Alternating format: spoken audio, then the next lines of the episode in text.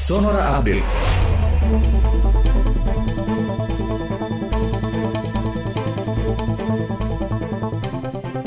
Selamat siang sahabat Sonora Konsulat Republik Indonesia di Tawau, Malaysia memfasilitasi kepulangan ratusan warga negara Indonesia atau WNI yang tertahan sejak otoritas setempat menerapkan kebijakan lockdown dalam upaya penanggulangan wabah COVID-19.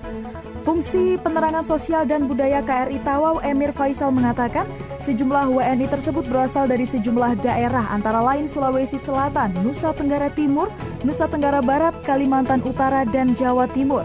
Emir mengatakan ada tiga kategori WNI yang dijadwalkan pulang ke Indonesia, yaitu WNI yang mudik, WNI yang masa kontrak kerjanya habis, dan deportasi pekerja migran Indonesia atau PMI ilegal.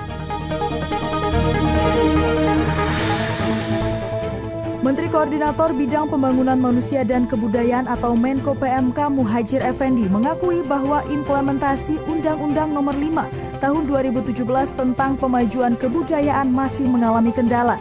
Padahal kata dia, Undang-Undang Pemajuan Kebudayaan merupakan wujud komitmen pemerintah untuk memajukan budaya nasional.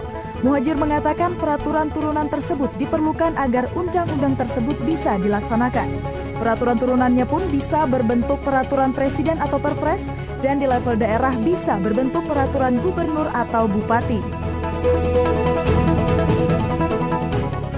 Pihak Kementerian Agama atau Kemenak sampai saat ini belum juga mendapat kepastian mengenai penyelenggaraan ibadah haji tahun 2021. Meski demikian, Sekretaris Direktorat Jenderal Penyelenggaraan Haji dan Umrah Kemenak, Ramadan Harisman menegaskan, Kemenak terus menyiapkan pelaksanaan ibadah haji.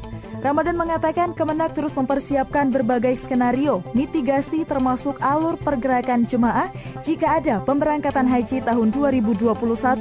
Adapun langkah atau alur pergerakan jemaah haji yang pertama adalah setiap jemaah haji harus divaksin COVID-19 terlebih dahulu. Demikian Sonora Update.